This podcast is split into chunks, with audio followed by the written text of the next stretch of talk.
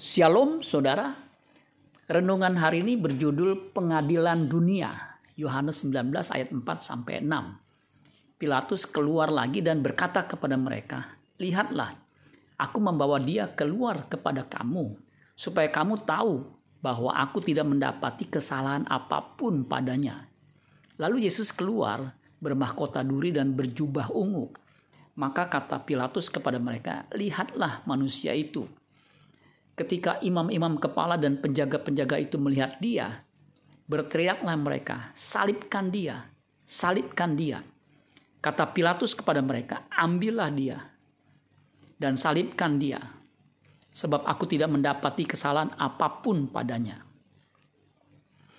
Baru-baru ini ada podcast yang beredar luas, wawancara seorang host dengan mantan menteri yang menjadi tahanan pidana korupsi dalam wawancara itu sang mantan menteri merasa tidak bersalah. Ia hanya kalah di pengadilan. Ia merasa tidak mendapatkan uang sepeser pun atas tuduhan korupsi tersebut. Dan ia merasa tidak ada bukti yang membuat ia layak di penjara. Beberapa tahun yang lalu pun terjadi yang mirip seorang gubernur yang salah lidah, split of split of tongue waktu mengucapkan sesuatu ia kena tuduhan penghinaan terhadap agama tertentu. Ia difonis penjara.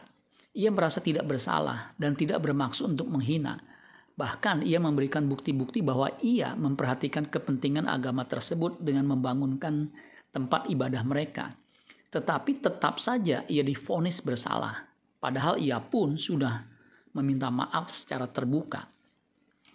Tuhan Yesus jelas-jelas tidak dijumpai kesalahan sekecil apa pun yang layak untuk dihukum mati.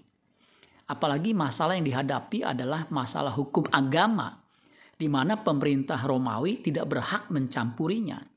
Tetapi apa mau dikata, tokoh-tokoh dan pemuka agama Yahudi bersekongkol mau membunuh Yesus dengan menggunakan Pilatus yang bersikap blunder itu. Jadilah Yesus dihukum mati di kayu salib. Saya tidak terbayang apa yang terjadi dengan Pilatus dan para imam-imam yang yang membunuh Yesus waktu mereka menghadap pengadilan Kristus di dalam kerajaan Allah. Betapa mengerikan nasib mereka karena di pengadilan Kristus hukum tidak bisa diputarbalikan. Yang bersalah tidak akan pernah bisa menang. Yang hidupnya benar pasti akan dibenarkan dan menerima kemuliaan Allah Bapa. Yang lalim dan jahat akan kena hukuman selama-lamanya. Menyadari adanya pengadilan Kristus di balik kubur membuat kita tetap kuat meskipun diperlakukan tidak adil.